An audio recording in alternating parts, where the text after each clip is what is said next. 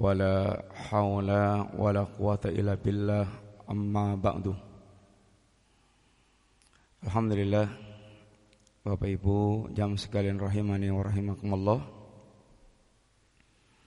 Insyaallah kita melanjutkan pelajaran kita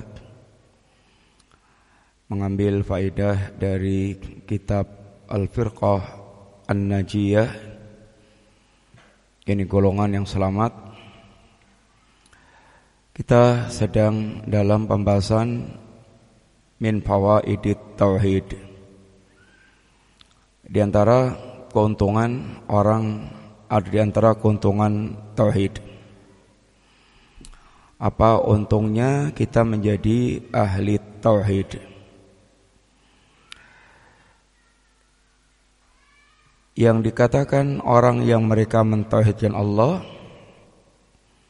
adalah orang yang mereka memurnikan ibadahnya semata-mata kepada Allah taala.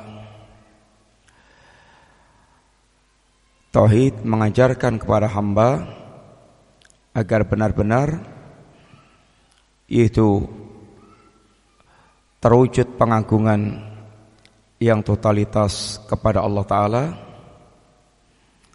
Hatinya semata-mata bergantung hanya kepada Allah Ta'ala Dan lepasnya ketergantungan hati kepada selain Allah. Ini adalah arah pendidikan Tauhid. Dan seperti ini munculnya adalah dari mengenalnya seseorang kepada Allah Ta'ala. Pengenalan seorang hamba kepada Allah baik melalui nama-nama dan sifat yang Allah ajarkan kepada kita sehingga dia mengenal siapa itu Allah melalui nama-nama Allah dan sifat-sifat Allah yang maha sempurna maupun melalui perenungan terhadap para makhluk Allah Ta'ala. Di antara yang beliau terangkan kepada kita, seandainya seorang itu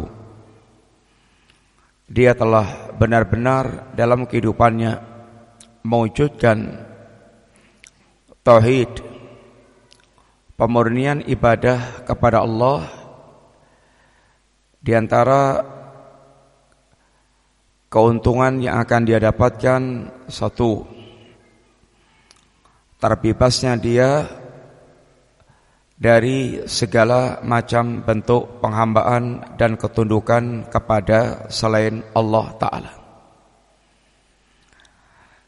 Tahrirul insan minal ubudiyah wal khudu' li ghairillah. Ini terbebasnya seseorang dari penghambaan kepada selain Allah dan ketunduk patuhan kepada selain Allah taala. Bagi seorang muwahhid maka dia akan terbebas dari segala bentuk penjajahan, perbudakan, penghambaan karena penghambaan itu telah dia totalitaskan hanya untuk Allah Ta'ala. Enggak ada yang berhak untuk memperbudak dia siapa pun. Dia akan merdeka hatinya dari perbudakan kepada selain Allah Ta'ala. Yang layak memperbudak dia hanyalah Allah. Sehingga betul-betul jiwanya akan terbebas dari bentuk-bentuk penghambaan kepada makhluk. Buat dia tidak ada yang bisa memperbudak dia, manusia atau yakni para pembesar, para pemimpin, para penguasa. Ketundungan dia hanya kepada Allah Subhanahu. Semua yang berseberangan dengan yaitu Allah berseberangan dengan agama Allah maka dia tidak akan patuh, tidak akan tunduk kecuali apa yang menjadi garis ajaran agama Allah Subhanahu. Hatinya akan terbebas dari segala bentuk yakni perbudakan. Yang kedua, tauhid akan membentuk jiwa yang muttasinnatun. Jiwa yang rapi, yang kokoh, yang jelas arah kehidupannya. Miliaran manusia banyak orang yang mereka tidak tahu arah kehidupan. Ya hidup itu lahir mati. Hidup itu ya dia dilahirkan dari rahim ibunya lalu hidup apa adanya mengikuti tren kehidupan yang ada mati-mati selesai. Enggak tahu arah kehidupannya. Termasuk ketika manusia dia kerja di dunia dia punya program segala macam tentang dunianya arahnya enggak jelas. Ong dia hanya akan mati. Beda dengan orang yang mereka memiliki akidah tauhid Kehidupan dia arahnya sangat jelas. Dia hadir ke dunia dalam rangka untuk menghamba kepada Allah. Dia berbuat di dunia dengan motivasi yang sangat jelas yaitu untuk kesuksesan di kampung akhirat sebagai kehidupan yang kekal abadi sehingga dia akan memiliki program kehidupan di dunia ini dengan sangat jelas sehingga betul-betul menjadi jiwa yang sangat istimewa. Jiwa yang tidak dibingungkan dengan ya ini arah kehidupan yang itu tidak jelas dia memiliki arah kehidupan yang sangat itu jelas kurikulum dia jelas apa yang dilakukan jelas, siapa yang dia sembah jelas, apa yang dia lakukan semuanya adalah betul-betul kehidupan uh, yang teratur dan seorang mukmin orang yang benar-benar yaitu mereka memiliki fokus kehidupan sebagaimana yaitu ajaran Allah Subhanahu wa taala. Sesembahan mereka jelas, jalan hidupnya jelas, contoh kehidupannya jelas sehingga kalau mau membuat program-program kehidupan maka betul-betul seorang mukmin ini sangat jelas arah kehidupannya itu. Yang ketiga bahwa tauhid itu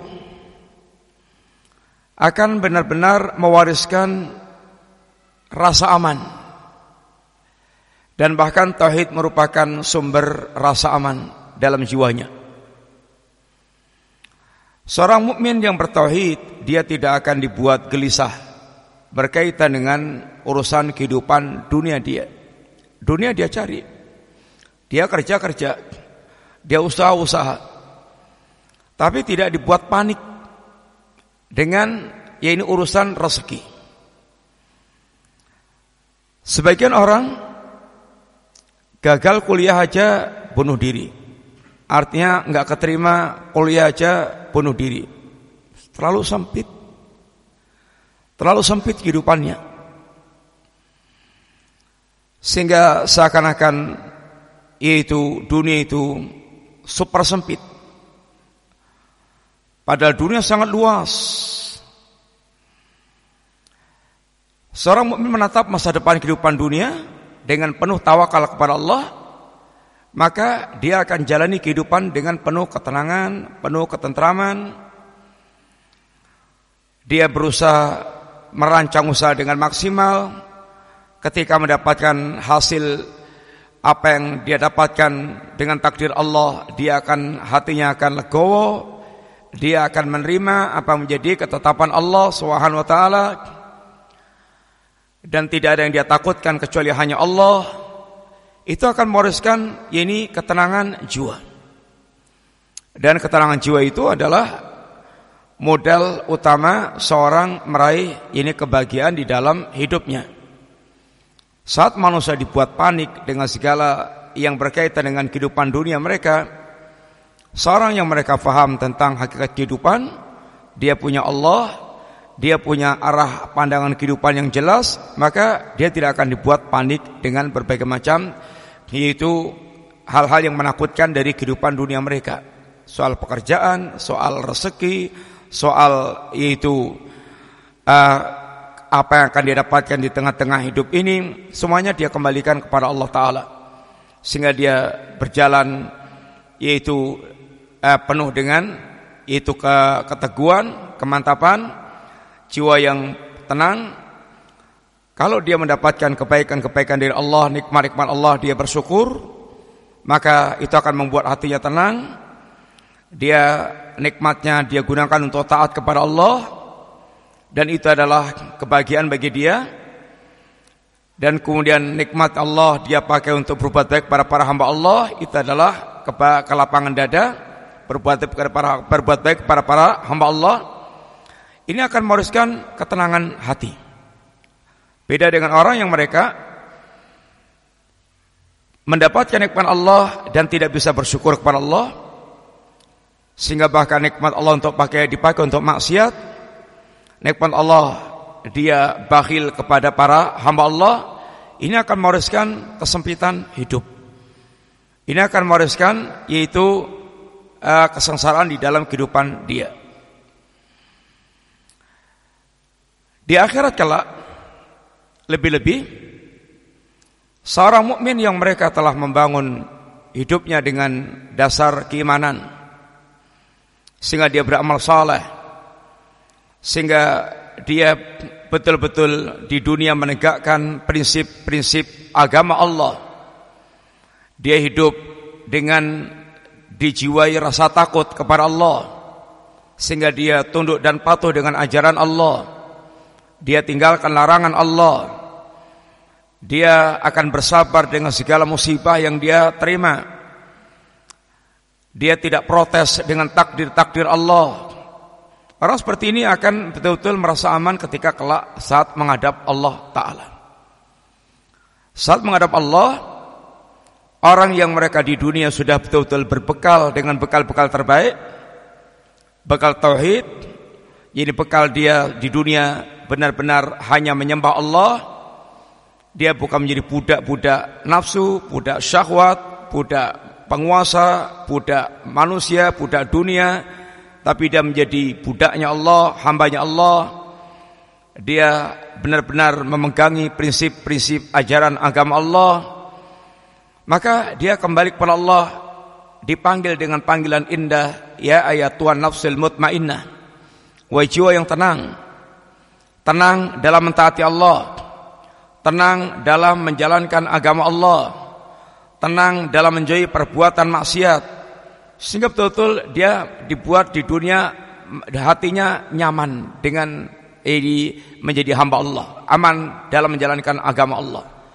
Dia tidak senantiasa tidak terseret-seret dalam perbuatan kedurakan kepada Allah.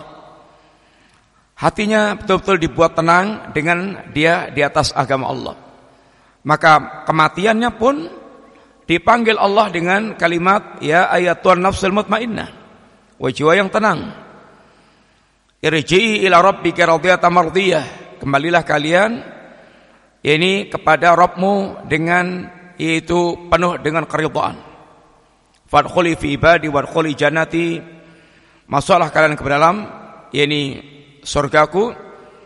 Masuklah kalian ke dalam kelompok hamba-hambaku dan masuklah kalian ke dalam surgaku ini adalah panggilan yang indah untuk jiwa yang indah, jiwa yang penuh dengan ketenangan di dunia dalam menjalankan agama Allah. Dan di akhirat kelak dia akan dibuat Allah hatinya betul-betul memiliki rasa aman. Di saat manusia ketakutan, di saat manusia dicekam ketakutan, karena memang di dunia mereka tidak pernah mempersiapkan diri untuk menghadap Allah. Hari-hari menghadap Allah itu menjadi hari-hari yang digambarkan Allah yauman tataqallabu fihil qulub wal absar. Hari-hari kita ketika menghadap Allah, hari itu mereka hatinya betul-betul bergolak, matanya terbelalak karena mereka disuguhi dengan pemandang pemandangan-pemandangan yang sangat mengerikan, disuguhi dengan kenyataan yang sangat meraih itu membuat dia betul-betul ketakutan sehingga hatinya pun diliputi dengan yakni rasa takut. Barang siapa yang di dunia tidak memiliki rasa takut kepada Allah sehingga dia berbuat semaunya sehingga dia berbuat tanpa batas sehingga dia berbuat tanpa memperdulikan ini pengamatan Allah bahwasanya Allah melihat dia tidak pedulikan ancaman-ancaman Allah dia merasa aman dengan segala maksiat-maksiatnya itu maka hari-hari saat menghadap Allah akan dipenuhi dengan rasa ketakutan kengerian Beda dengan orang mereka di dunia. Hatinya diwarnai dengan takut kepada Allah. Sehingga rasa takutnya itu membuat dia terdorong untuk benar-benar senantiasa taat kepada Allah. Dia senantiasa meninggalkan kemaksiatan kepada Allah. Maka rasa takutnya ini yang kemudian di akhirat dia diberikan oleh Allah rasa aman. Tidak akan berkumpul dua rasa takut dan tidak akan berkumpul dua rasa aman. Barang siapa yang di dunia dia takut kepada Allah, di akhirat dia aman. Barang siapa yang dia di dunia itu merasa aman dari segala ancaman adab Allah sehingga dia bergelimang dengan kemaksiatan dia merasa aman, di akhirat kelak dia menjadi orang paling ketakutan di hari itu. Sehingga tidak akan berkumpul dua rasa takut dan tidak akan berkumpul dua rasa aman. Takut di dunia tidak akan berkumpul dengan takut di akhirat. Takut di dunia hasilnya adalah aman di akhirat. Aman di dunia hasilnya adalah takut, ini ketakutan di akhirat. Kemudian yang keempat, ini yang kita sekarang ini pelajari. At-tauhidu masdarul liquwatin nafsi li'annahu yamnahu sahibahu quwwatan nafsiyatan hailatan lima tabtali'u bihi nafsu minar raja fillah wa thiqah bihi wa tawakkul alaih wa ridha biqada'i wa sabri uh, wa sabru ala bala'i wal isti wal istighna'u an khalqi Fawa rasikhun kal jabal. Tauhid adalah sumber kekuatan jiwa. Kenapa tauhid menjadi sumber kekuatan jiwa? Karena tauhid ini akan benar-benar yaitu mewariskan kepada pemiliknya untuk memiliki jiwa yang kuat, jiwa yang tahan banting, jiwa yang militan, jiwa yang tidak yakni gampang tergiur sesuatu yang akan membinasakan, menghancurkan. Inilah jiwa yang kuat. Orang mukmin yang kuat, ini kuat imannya, semakin sempurna tauhidnya, semakin sempurna kekuatan imannya. Kekuatan iman itu akan muncul di tengah-tengah kehidupan ditandai dengan sejauh mana orang ini merespon kekuatan mereka merespon seruan-seruan Allah Subhanahu wa taala. Jiwa yang kuat, jiwa yang kuat dia akan cepat dalam merespon seruan-seruan Allah. Dan kecepatan merespon seruan Allah ini berkaitan dengan ini kesempurnaan kehidupan iman dalam diri seseorang. Semakin kehidupan imannya itu sempurna dalam dirinya, dia akan semakin cepat, semakin segera dalam mewujudkan seruan-seruan Allah Ta'ala. Dalam menyambut seruan Allah itu ada yang cepat, ada yang lelet, ada yang sangat lambat banget. Katakanlah satu contoh, seruan adzan untuk sholat ke masjid. Ada hamba Allah yang sangat perhatian dengan urusan salat jamaah ke masjid. Bahkan dia belum adzan dia sudah berusaha untuk di masjid. Dia berusaha untuk tidak pernah ketinggalan takbiratul ihram, yakni imam. Dia akan yakni benar-benar yaitu segera menyambut setiap ada seruan-seruan Allah taala. Tapi sebaliknya ada orang yang lelet sangat lambat, sangat lambat. Bahkan sholatnya selalu terlambat. Ini tingkatan kecepatan orang di dalam menyambut seruan Allah berkaitan dengan kesempurnaan iman, kesempurnaan tauhid yang hidup di dalam hatinya seseorang. Demikian juga gampangnya orang terjerumus dalam perbuatan maksiat menandakan tentang rapuhnya jiwa dia itu berkaitan dengan rapuhnya keimanan dia. Jika iman itu rapuh dalam hatinya, tauhid itu rapuh dalam hatinya, ya dia akan sangat gampang terseret dan terjerumus dalam perbuatan kemaksiatan. Jatuh lagi, jatuh lagi, jatuh lagi, terseret lagi, terseret lagi. Sehingga dia sangat rapuh menghadapi bisikan-bisikan bermaksiat, bisikan-bisikan kelezatan bermaksiat, bisikan-bisikan syaitan yang membuat tipuan-tipuan kepada manusia. Jiwanya sangat rapuh. Dia tidak memiliki ketegaran dalam menolak bisikan-bisikan maksiat. Anda antum bisa mengambil contoh-contoh orang-orang mereka memiliki kekuatan iman yang sangat dahsyat. Bagaimana di antara Nabi yang dijadikan oleh Allah contoh. Kekuatan Nabiullah Yusuf menghadapi syahwat yang sangat dahsyat dari Zulaikha. Karena kekuatan imannya adalah satu di antara contoh dalam kehidupan kita yang bisa kita ambil contoh untuk ini uh, diri kita dalam kehidupan ini. Ketika menghadapi berbagai macam kudaan-kudaan maksiat Apalagi di zaman kita sekarang ini Orang tawaran-tawaran maksiat sangat banyak. Di zaman teknologi, zaman informasi, zaman internet Maka segala macam tawaran maksiat dengan vulgar Dengan sangat terang-terangan Ini menawarkan berbagai macam bentuk kemaksiatan-kemaksiatan Maksiat dari yang dianggap paling ringan sampai yang paling berat semuanya ditawarkan dengan sangat vulgar, terang-terangan. Ini manusia bagaimana menawarkan berbagai macam program-program kemaksiatan. Tidak akan dia terhindar. Tidak akan orang dia selamat dari jeratan-jeratan maksiat yang sangat dahsyat ini kecuali orang yang mereka memiliki kekuatan iman. Kecuali orang yang mereka betul-betul hatinya betul-betul kokoh dengan keimanan kepada Allah Subhanahu wa taala.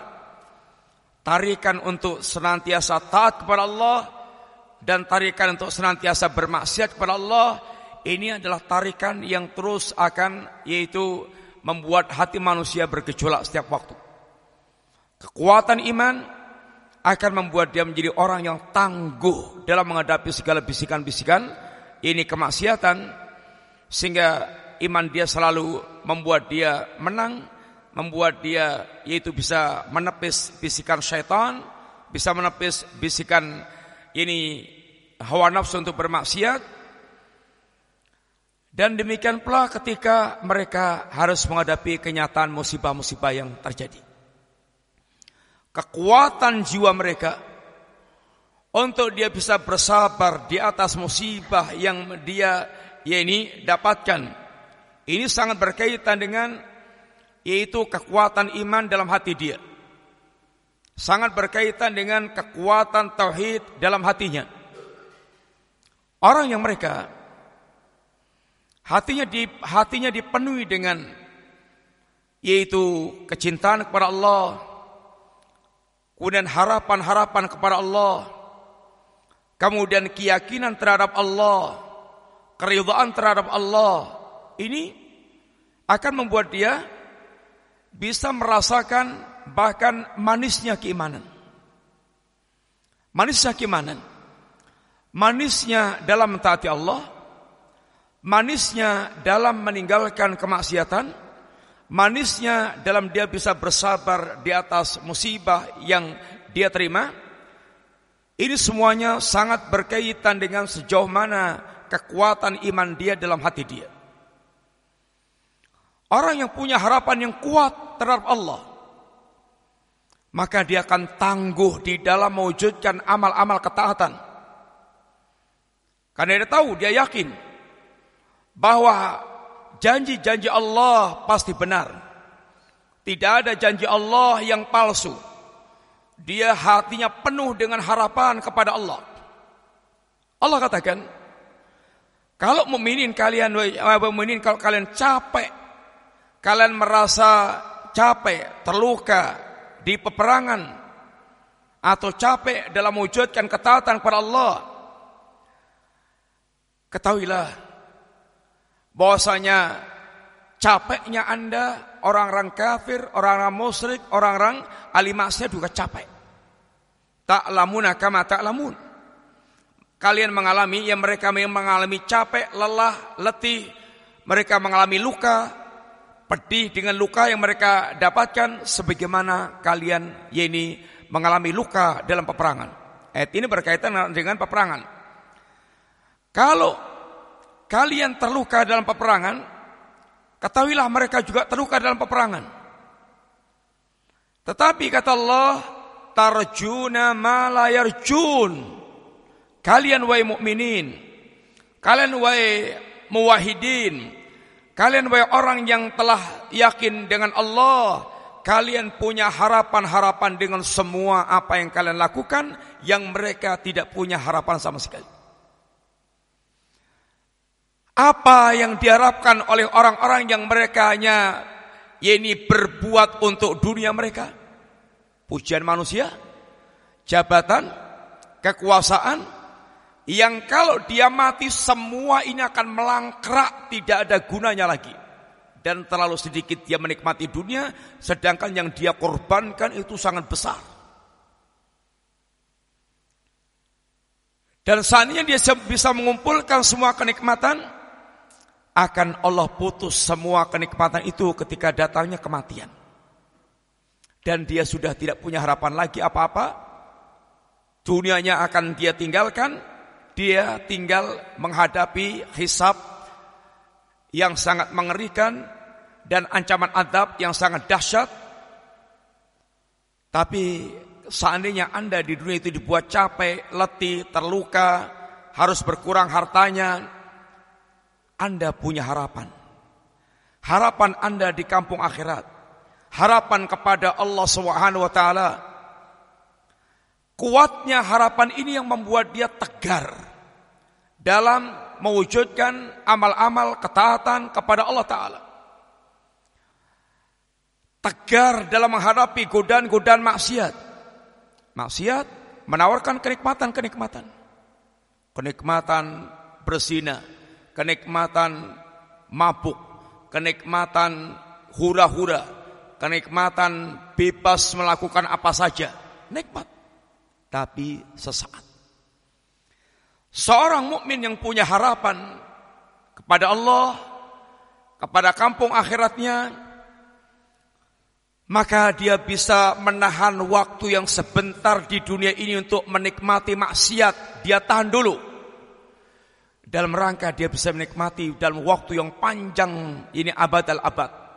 Waktu panjang yang tidak lagi terbatas.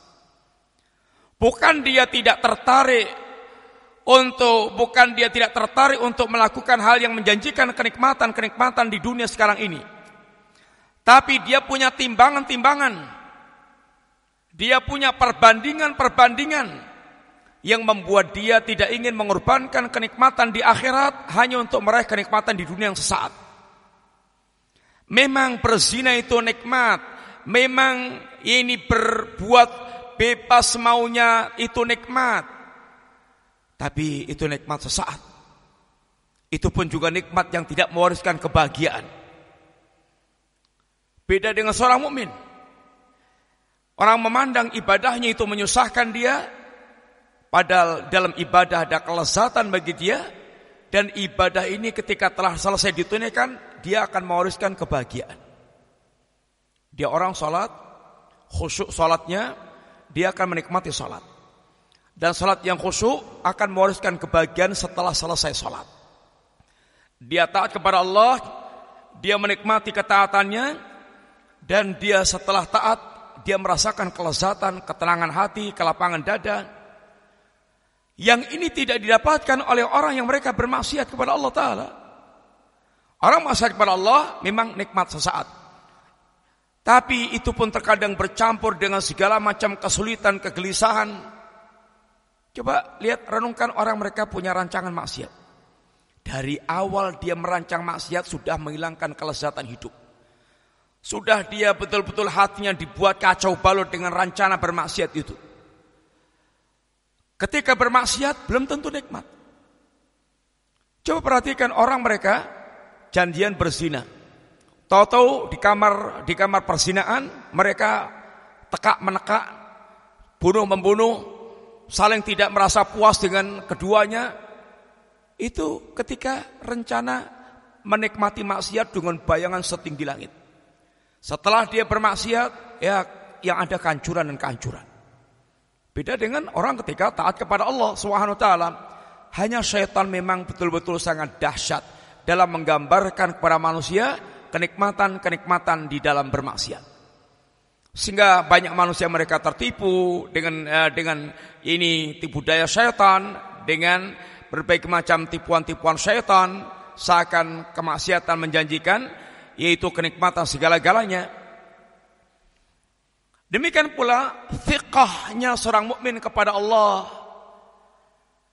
Maka dia akan betul-betul tangguh dalam kehidupannya itu. Jiwanya akan kokoh kuat. Seorang dakwah. Dengan kemudian sedikit orang yang mereka mau mendengarkan dakwahnya, mau mengikuti dakwahnya, waktunya panjang, nggak banyak yang mau ikut, tapi terus dia akan tetap tetap berdakwah, terus berdakwah akan tangguh dan kokoh, dia yakin seyakin yakinnya bahwasanya bersama dengan dia senantiasa menjaga Allah, menjaga agama Allah, mendakwakan agama Allah, dia siqah, dia dia yakin dengan Allah, Allah akan menurunkan pertolongan kepada orang-orang mereka terus istiqamah di atas jalan Allah, di atas agama Allah taala. Afiqah. Orang kalau tidak siqah, tidak punya ya ini keyakinan yang kuat tentang Allah, dia akan menyimpang. Dalam dakwah, Allah menginginkan kita senantiasa terus memperhatikan sisi tauhid, dakwah tauhid. Bagaimana hamba itu selalu kembali kepada Allah dan lurus di atas jalan Allah. Ketika orang dia bosan dengan jalan ini karena serasa panjang, berat dan tidak segera menghasilkan. Lalu lemahnya keyakinan dia tentang janji-janji Allah, ya sudah ditinggalkan dakwah itu. Dia pensiun dakwah atau dia akan berdakwah dengan cara yang sudah tidak peduli lagi dengan cara agama. Dia akan berdakwah dengan selera hawa nafsunya. Hanya untuk menggait manusia agar mereka segera dapat banyak pengikut. Ini ada karena ini menunjukkan dia tidak fiqh. Dia tidak punya kekuatan, dia tidak punya keyakinan yang kuat tentang Allah Subhanahu wa taala. Contoh mamanya. Allah dan nabinya telah menjelaskan dengan gamblang jika muslimin maksiat kepada Allah, Allah akan jatuhkan dalam kinaan. Seperti suasana di zaman kita sekarang, mau tidak mau, mesti kita harus menyadari bahwa kaum muslimin dalam posisi diinjak-injak kufar, apalagi dan orang-orang munafik memiliki keleluasan untuk menari di atas kesulitan kaum muslimin, menjadi penjilat-penjilat berat. Ini adalah kondisi yang menjadikan muslimin semakin kemudian terpuruk. Ada sebagian orang yang hatinya tersentuh bagaimana mengembalikan kemuliaan kaum muslimin. Banyak tawaran politikus menawarkan solusi untuk mengangkat bagaimana muslimin menjadi mulia. Ekonom juga menawarkan Bagaimana solusi untuk menyelesaikan ini atau memuliakan kaum, eh, kaum muslimin. Kemudian budayawan juga memberikan solusi. Caranya gini, eh, pecah politikus dengan cara politik, ekonom dengan cara dia bagaimana memakmurkan ekonominya, kemudian budayawan dengan cara yang mereka pikirkan, Rasul juga ngasih solusi. Kalau Anda pengen mulia, Anda pengen terjabut kinaannya, kata Nabi, hatta tarji'u ila dinikum. Sampai kalian kembali kepada agama kalian. Untuk kembali kepada agama ini, untuk bisa kita kembali kepada agama itu, dan agama yang dimaksudkan adalah agama yang diwariskan Rasulullah Sallallahu Alaihi Wasallam Bukan agama yang sudah tercoreng-moreng dengan khurafat, dengan bid'ah, dengan penyimpangan-penyimpangan. Tapi agama yang dimaksudkan adalah kembali kepada agama, agama yang diajarkan oleh Nabi. Untuk bisa mewujudkan ini jalannya panjang. Harus melakukan ini dakwah. Bagaimana mengajari muslimin agar faham tentang agama yang hakiki. Kalau agama ini telah dikotori dengan berbagai macam khurafat, bid'ah, tahayul, bagaimana membersihkan ini pula lalu menyajikan agama yang bersih yang diajarkan oleh Nabi. Sehingga pekerjaannya adalah ini bertumpuk-tumpuk. Ini panjang jalannya. Orang yang mereka tidak siqah dengan Allah Ta'ala. Maka dia akan tinggalkan wasiat Nabi dan dia mengikuti dengan cara-cara dia sendiri. Dianggapnya terlalu lama dan panjang. Lalu dia cari yang instan, yang menurut dia lebih cepat, yang dia menurut dia lebih merupakan jalan pintas. Itu namanya tidak fiqah dengan Allah, tidak fiqah dengan Rasulnya, tidak ada kayak kepercayaan yang kuat dengan Allah dan Rasulnya. Padahal Allah memastikan ini Allah inna lanang suruh rusulana waladina amanu kami pasti akan menolong orang-orang yang beriman, orang Rasul dan orang yang beriman. Wa kana haqqan alaina nasrul mu'minin dan menjadi kewajiban kami Allah menolong kaum mukminin. Kok kita mukmin enggak tertolong? Pertanyaannya, memangnya betul kamu mukmin? Memangnya betul-betul memang kaum muslimin sedang betul-betul beriman kepada Allah Taala? Sedangkan tampilannya musyrik, tampilannya munafik, tampilannya kafir, di mana letak imannya? Di mana dia menunjukkan dirinya mukmin? Akidah Islamnya enggak faham, prinsip Islamnya bahkan diinjak-injak, agamanya disingkir-singkirkan. Mana yang menunjukkan Anda adalah mukmin sehingga Allah akan menolong Anda? Kalau Rasul, kalau Allah memberikan pelajaran kepada para sahabat dengan satu kesalahan yang dilakukan di perang Uhud, menimbulkan musibah dan menimbulkan insiden Uhud, yang dengan itu kemudian para sahabat benar-benar mengambil pelajaran bahwa kemaksiatan kepada Rasulullah SAW merupakan yaitu sebab mereka dihinakan Allah. Setelah itu para sahabat tidak lagi pernah bermaksiat kepada Nabi dan selalu peperangan itu dimenangkan oleh kaum muslimin. Muslimin selalu dia ini menang dalam peperangan-peperangan mereka. Karena kuncinya adalah yakni ketaatan mereka kepada Rasulullah SAW, kepada Allah dan Rasulnya. Dan itu akan betul-betul terwujud ketika seorang itu memiliki fiqah, afiqatu billah, yaitu memiliki keyakinan yang kuat tentang Allah Ta'ala. Demikian pula tawakal bersandarnya penuh kepada Allah, bukan bersandar pada kekuatan kita sendiri. Kita memang tertuntut untuk mewujudkan sebab dengan maksimal, tapi jangan pernah kita bersandar dengan sebab, karena yang menentukan segala perkara adalah Allah taala. Kita sering lupa dalam bertawakal kepada Allah. Yang Nabi kita mengajarkan kita setiap saat hendaknya kita bertawakal kepada Allah Ta'ala. Doa dan zikir yang Allah ajarkan pada kita itu adalah bentuk tawakal kita kepada Allah. Paling tidak ketika kita mau melakukan suatu kita bismillah, bismillah itu bagian daripada tawakal kita kepada Allah. Kita menyerahkan kepada Allah, kita beristianah minta tolong kepada Allah dengan bismillah itu agar Allah betul-betul menolong dia sehingga dia bisa melakukan apa yang dia rancangkan. Itu tawakal.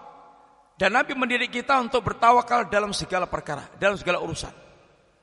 Dan tawakal ini adalah buah dari keyakinan yang sempurna tentang Allah Ta'ala. Demikian pula ketika dia ridha dengan Allah, ridha dengan agama Allah, ridha dengan keputusan Allah, takdir Allah. Dia sabar dengan apa yang dia temui. Dia hanya menggantungkan Allah tidak kepada makhluk. Ini semuanya adalah buah daripada sempurna keyakinan yang sempurna tentang Allah maka jiwa dia rasih kal jabal. Jiwa dia kokoh jiwa dia kokoh seperti gunung. Ini dulu yang kita sampaikan sekalian mudah bermanfaat. Wassalamualaikum warahmatullahi wabarakatuh